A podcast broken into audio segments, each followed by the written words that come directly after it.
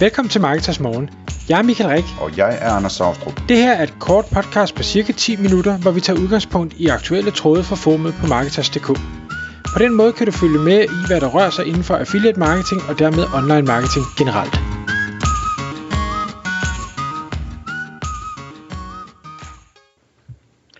Godmorgen Michael. Godmorgen Anders.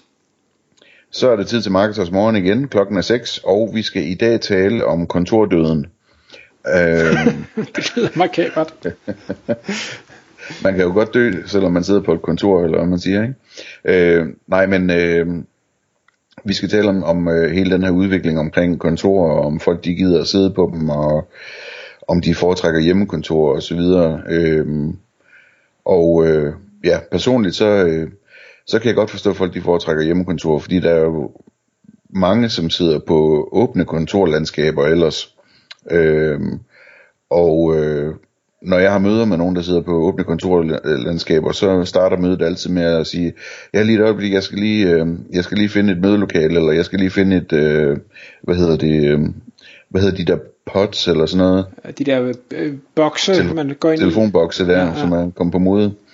Øh, og jeg tænker straks, øh, altså det, er jo, det er jo et fuldstændig øh, klart udtryk for, at folk ikke føler, at de kan koncentrere sig, når, når de sidder ude i det åbne landskab, ikke? Øhm, og måske også, at de ikke føler, at de kan tale øh, åbent, øh, fordi de føler, at, at der er nogen, der hører med om nogle detaljer, de ikke må høre og sådan noget. Det, det virker bare utrygt og, øh, og mærkeligt på mig. Øhm, så, så jeg er en kæmpe fan af rigtige kontorer, enmandskontorer, med en dør, der kan lukke og så videre. Og det er dyrt at købe ude i, øh, ude i den virkelige verden, mens at alle de kan lave et, et derhjemme nærmest, ikke? Jo, øhm, i vis grad i hvert fald. Ja, ja. Nå, men Michael, du har, du har kigget på det her område og, og har nogle pointer. Ja, altså det, det var egentlig øh, en, igen en, en artikel, øh, eller jeg tror faktisk det var på Facebook, jeg, jeg er med i en gruppe, hvor der blev snakket om alle mulige forretningsmuligheder, så det er egentlig en forretningsmulighedsvinkel, vi, vi tager her.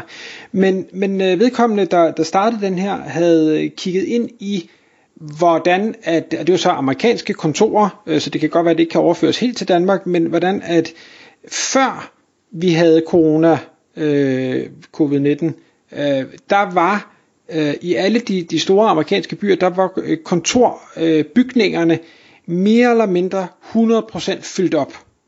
Altså det, det, alt var udlejet og, og mere eller mindre i brug. Øh, det er måske ikke 100%, men så 98%.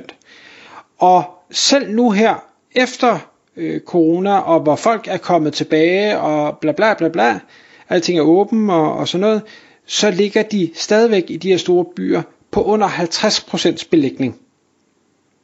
Og, og det er op fra, jeg tror, de var nede omkring 19% øh, eller sådan et eller andet, mens der var corona. Øhm, så, så vi er kun på halvdelen. Og, og der taler han så ind og siger, jamen, hvad, hvad er det? Øh, hvad, hvad gør det her? Altså hvis, hvis vi pludselig kun har Øh, 50% af bygningerne, der er i, i brug, eller alle bygninger er i brug, men det er kun, de er kun 50% i brug. Hvad gør det så? Hvad, hvad er det, der sker derude, og hvordan kan vi som øh, købmænd og, og marketingfolk prøve at, at tabe ind i noget af det her? Øhm, og, inden vi kommer til den del, så noget af det, jeg, jeg har, tror jeg har nævnt før, og som jeg lagde mærke til, øh, eller lægger mærke til, når jeg søger efter øh, medarbejdere til min virksomhed, det er, at der er virkelig stor efterspørgsel efter at kunne få lov at arbejde hjemme, og meget gerne fuld tid. Altså, så, så man ikke skal ind på et kontor. Man vil gerne have øh, fleksibiliteten i forhold til sin familie, øh, børn, der skal hentes, børn, der skal bringes, så man ikke har det her hamsterhjul stress, som det kan være. Øh, men også så man øh, har mulighed for at bosætte sig der, hvor man nu har lyst eller råd. Og ikke skulle eller hvor have... ens ægtefælle skal være på grund af det job, som vedkommende har, lige, eller et eller andet. Lige præcis, og der er nogen, der har ægtefæller, som faktisk bliver nødt til at flytte rundt, og om de så er i hospitalsvæsenet, eller de er militæret, eller et eller andet, jamen så kan man i princippet følge med, når det er sådan et, et online job, man har. Og, og det gør, øh, kan man sige jo, som, som øh, hvad hedder det, arbejdsgiver, at jamen, i princippet har du, har du lettere ved at finde, eller kan have lettere ved at finde medarbejdere, Øh, fordi nu har du pludselig en, øh, ja, jo hele verden øh, i, i, i princippet. Øh, der kan selvfølgelig være nogle andre begrænsninger, men, men det er jo øh, super fedt. Og så tænker jeg, jamen, hvad, hvad betyder det for platforme? Har vi brug for nogle andre platforme til at source medarbejdere, når vi nu pludselig kan kigge globalt? Der, der findes jo masser derude, men, men kommer de til at vokse? Hvad med headhunter, headhunter-byråerne? Mister de terræn, når vi nu pludselig forhåbentlig har nemmere ved at finde de rigtige kompetencer derude, og, og måske der også til en billigere pris, fordi hvis, hvis man bor ude på landet i et øh, land, hvor, hvor leveomkostningerne er billige, og skatten er lav et eller andet, jamen, der er jo ikke nogen grund til, at du som, som øh, virksomhed skal betale tårnhøje priser, hvis du kan lade være. Øh, og medarbejderen stadig er godt tilfreds og glad for sit arbejde, og, og den frihed, det giver. Øhm, og som medarbejder, hvis vi tager den anden vinkel, jamen der, der er pludselig mange langt større muligheder, fordi igen, du kan være hvor som helst, og du kan søge job, også hvor som helst i princippet, hvis det er nogen, der gerne vil have remote øh, medarbejdere. Han snakker ind, at det kan være, at der begynder at komme en tendens, hvor du i stedet for, at du siger, jamen jeg er, jeg har lige præcis den her stilling i den her ene virksomhed. Jamen, hvorfor det? Hvorfor har du ikke tre deltidsstillinger i tre forskellige virksomheder, hvor du får lov kun at bruge dine specifikke kompetencer, eller kun at lave lige præcis det, du synes er mega spændende? Hvorfor er det ikke en model? Og det synes jeg faktisk var ret sjovt, ikke? fordi der, vi har jo alle sammen noget, vi synes er mere spændende end andre, øh, end andre ting, og øh, jamen, hvis du så bare kan nøjes med at lave det, og så det, du ikke synes er spændende, det er der helt sikkert nogle andre, der synes er spændende, og så kan de jo gøre det. Kunne det ikke være en løsning?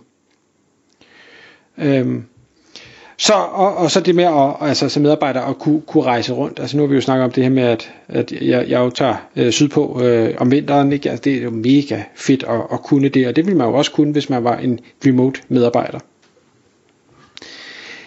Så er der hele det her med, med øh, transport og, og boligen. Altså hvis, hvis det her er en tendens, at flere arbejder hjemmefra, og det gør de måske endda fuld tid, jamen hvordan påvirker det så transporten? Hvordan virker det, påvirker det indkøbet af biler, eller leasingbiler, eller offentlig transport, slitage på veje, øh, forbrug af brændstof, øh, altså noget.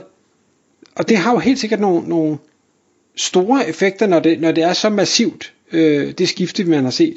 Hvad med boliger? Bliver boliger i store byer billigere? Bliver de der attraktive områder, som var attraktive, fordi de lå tæt på arbejdspladser, kommer priserne til at falde?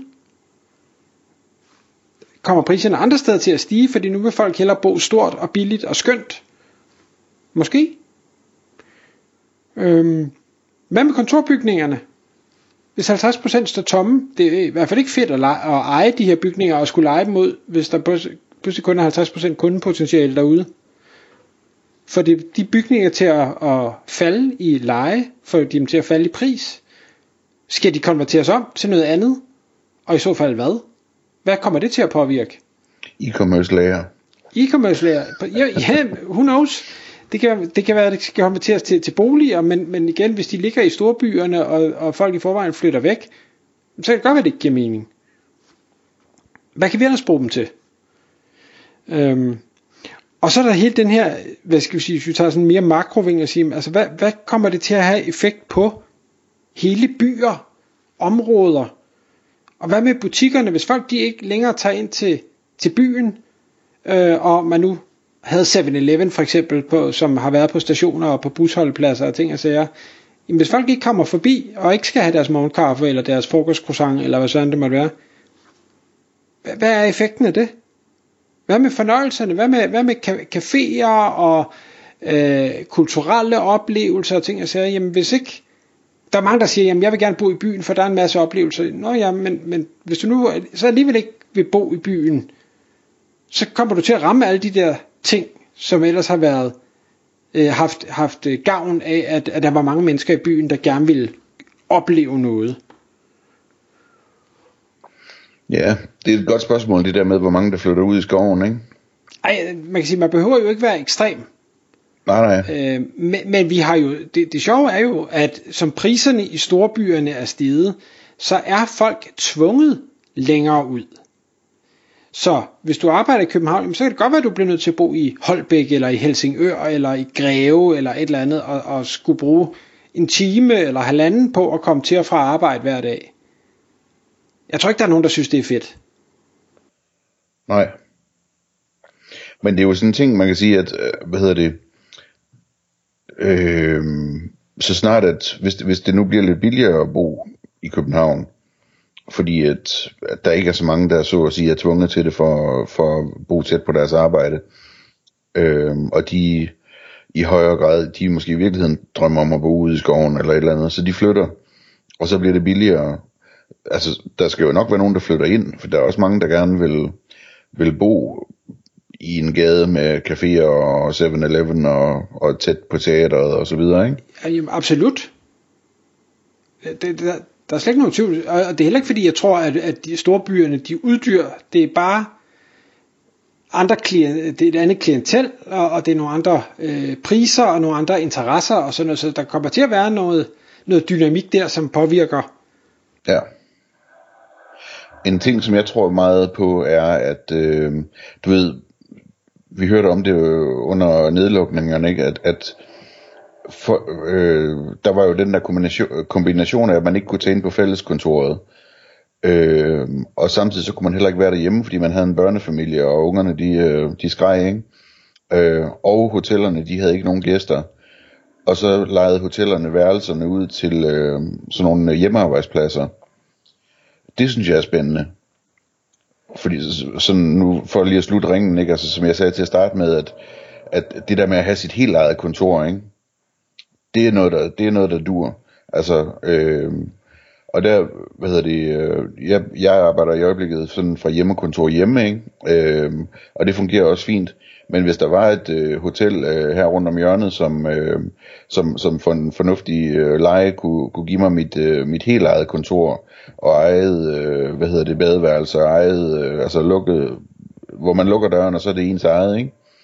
Øh, så vil jeg slå til med det samme. Det ville bare være så fedt, ikke? Sådan rigtig for arbejdsro, ikke?